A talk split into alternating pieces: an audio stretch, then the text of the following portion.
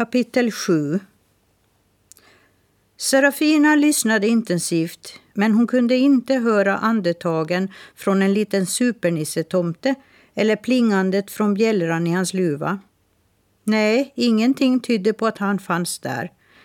Därför viskade hon till Skall att börja spåra.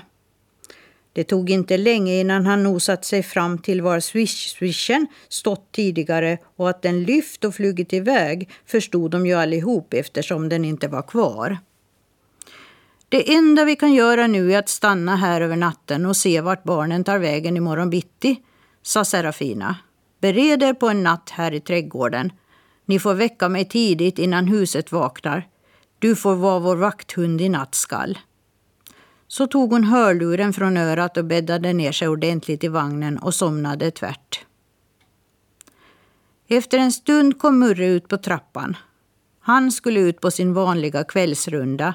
Hade han tur kanske det dök upp någon liten mus som hon kunde ta till nattmat. Katter har ju också väldigt bra mörkersyn och luktsinne och med detsamma som han började smyga längs gången kände han en främmande men väldigt bekant lukt. Försiktigt slank han runt husknuten och just då tittade månen fram och lyste rakt på det lilla ekipaget i trädgården. En stor grå hund, en ren och någonting inne i en fäll i vagnen. Murre kände hur håren på ryggen reste sig vid åsynen av hunden. Hundar gillade han inte. Varje gång det blivit tal om hund här i huset hade han tydligt visat vad han tyckte om det. När det kom hundar på besök fräste han och rev efter dem så alla skulle begripa hur otänkbart det var. Nu var det en hund i hans trädgård. Nej, aldrig att han skulle tillåta det. Han smög tyst och försiktigt närmare och med ett språng flög han upp i släden och satte klorna i pälsen på den stora hunden. Skall vaknade ur sina drömmar. Ja, han hade faktiskt somnat på sin post och hoppade skällande ur släden med katten fortfarande hängande i pälsen. Skall hette ju inte skall för ros skull utan hade det namnet för att hans skall var så kraftigt. Alla inne i huset hörde det men Serafina som låg inlindad i fällen hörde ingenting utan fortsatte sova i lugn och ro. Någon öppnade ytterdörren och ropade på Murre. Men Murre satt fast i den långa pälsen och kunde bara följa med i Skalls vilda flykt mot skogen. Efter ett tag stannade Skall och skakade loss Murre. De båda stod nu och stirrade på varandra utan att röra sig. Till slut sa Skall.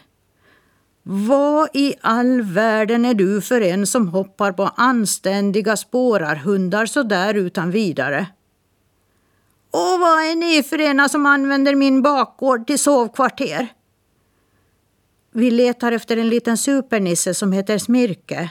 Han har åkt hit för att hjälpa er pojke, men nu är han försvunnen. Aha, den lilla parven. Ja, han kom nog hit och var med mig in i huset men sen följde han med barnen till skolan och sen dess har jag inte sett till honom. Nåja, mest är han ju osynlig den där nissen så det är svårt att se honom även när han är här men som katt så känner jag ju lukten av honom precis som jag kände din lukt nyss. Ja, så till skolan säger du. Vet du var skolan finns? Nej, vet du vad?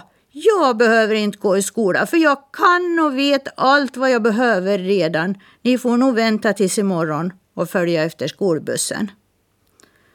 Och med de orden vände Murre sig om och gick iväg med huvudet högt och svansen svajandes från sida till sida.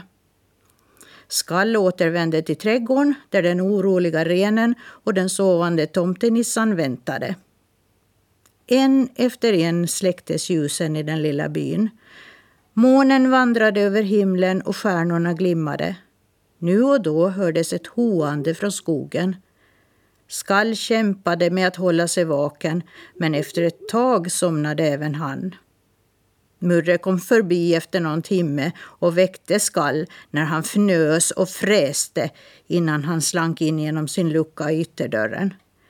Skall höll sig sen vaken resten av natten och väckte Serafina innan byn vaknade.